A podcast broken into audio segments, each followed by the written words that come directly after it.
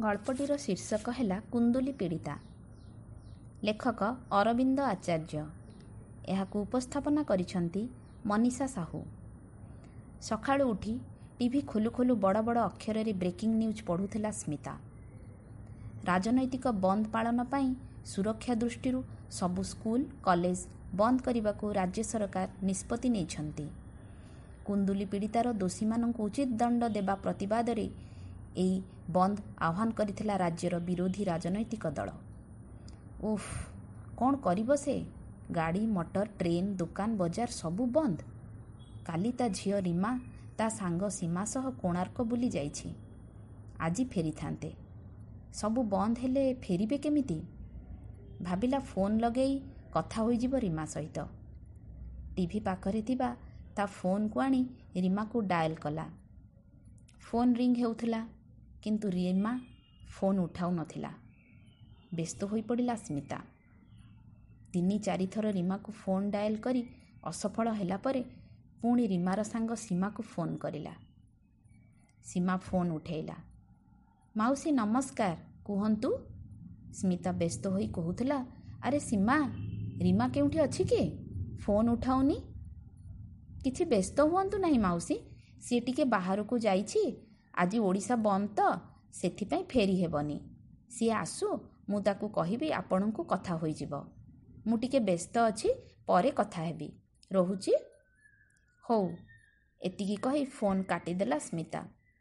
କିନ୍ତୁ ମନଟା ଗୁଡ଼େଇ ତୁଡ଼େଇ ହେଉଥାଏ। ହ୍ୱାଟ୍ସଅପ୍ ଖୋଲି ମେସେଜ୍ କରିବାକୁ ଭାବିଲା। ହ୍ୱାଟ୍ସଅପ୍ ଖୋଲୁ ଖୋଲୁ ମେଞ୍ଚେ ମେସେଜ୍। ତା'ର ଗୋଟିଏ ସାହିତ୍ୟ ପ୍ରେମୀଙ୍କ ଗ୍ରୁପ୍ ଥାଏ। ସେଥିରୁ ହିଁ ଅଧିକାଂଶ ମେସେଜ୍ ଆସେ। ପ୍ରଥମେ ରୀମାକୁ ଶୀଘ୍ର କଲ୍ କରିବାକୁ ମେସେଜ୍ କରିଦେଲା। ତାପରେ ଗ୍ରୁପ୍ରୁ ଆସିଥିବା ମେସେଜ୍ ଉପରେ ଆଖି ପକାଇଲା। କୁମାରୀ ତୁ ପରୀକ୍ଷା କରିଥିବା ଡାକ୍ତରମାନଙ୍କର ଲାଇ ଡିଟେକ୍ସନ୍ ଟେଷ୍ଟ କରାହେବାର ପ୍ରକୃତ ସମୟ ବୋଧେ ଏବେ? ଆମେ କ'ଣ ପ୍ରକୃତରେ ସଚେତନ? କାହିଁ ସେତେବେଳେ ତ ଆମର ଏ ଆଲୋଚନା କିଛି ଆରମ୍ଭ ହେଉନଥିଲା। ଯେତେବେଳେ ସେ ପୀଡ଼ିତାଟି ଏକା ଏକା ସଂଘର୍ଷ କରି ଚାଲିଥିଲା ପ୍ରକୃତରେ କେଉଁଠି ସେ କୁନ୍ଦୁଲି? କେଉଁ ଜିଲ୍ଲାରେ? ଆମେ ଜାଣିଛନ୍ତି? ସେ ପୀଡ଼ିତାଟିର ପ୍ରକୃତ ନାଁ କ'ଣ? ତା'ର ପରିବାରରେ କିଏ କିଏ ଅଛନ୍ତି?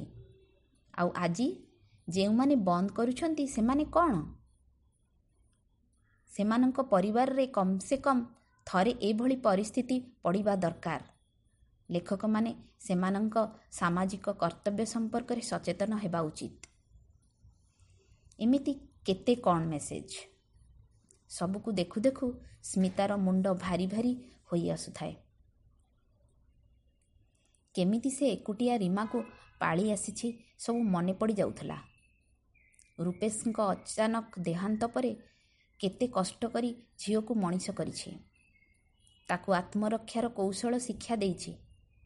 ସମାଜରେ ଯେତେ ଅଡ଼ୁଆ ପରିସ୍ଥିତିରେ ପଡ଼ିଲେ ବି ସେ ନିଜ ଆତ୍ମବଳକୁ କେବେ ବି କମିଯିବାକୁ ଦେଇନି। ଆଉ ତା ଝିଅକୁ ବି ସେୟା ଶିଖେଇଛି।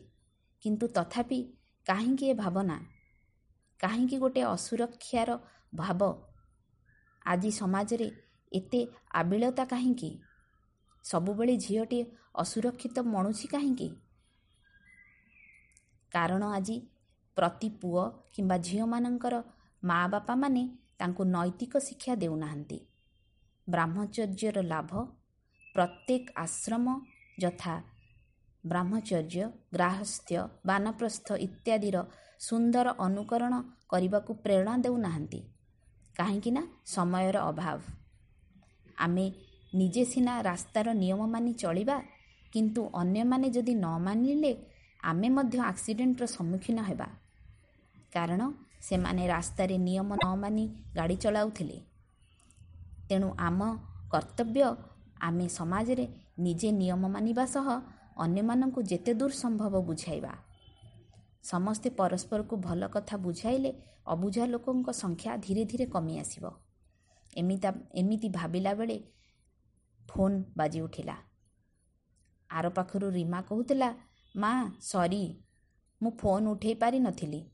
କିଛି ଚିନ୍ତା କରନି ତୋ ଝିଅ ଠିକ୍ ଅଛି। ମୁଁ ସମାଜରେ କେମିତି ଚଳିବା ଜାଣିଗଲିଣି। ତୋ ଭଳିଆ ମା ଯାହାର ଥିବ ସେ ଝିଅ କେଉଁଠି କେବେ ହାରିବନି। ଶୀଘ୍ର ପହଞ୍ଚିଯିବି ସବୁ କଥା ହେବି। ରହୁଛି ବାଏ ମା'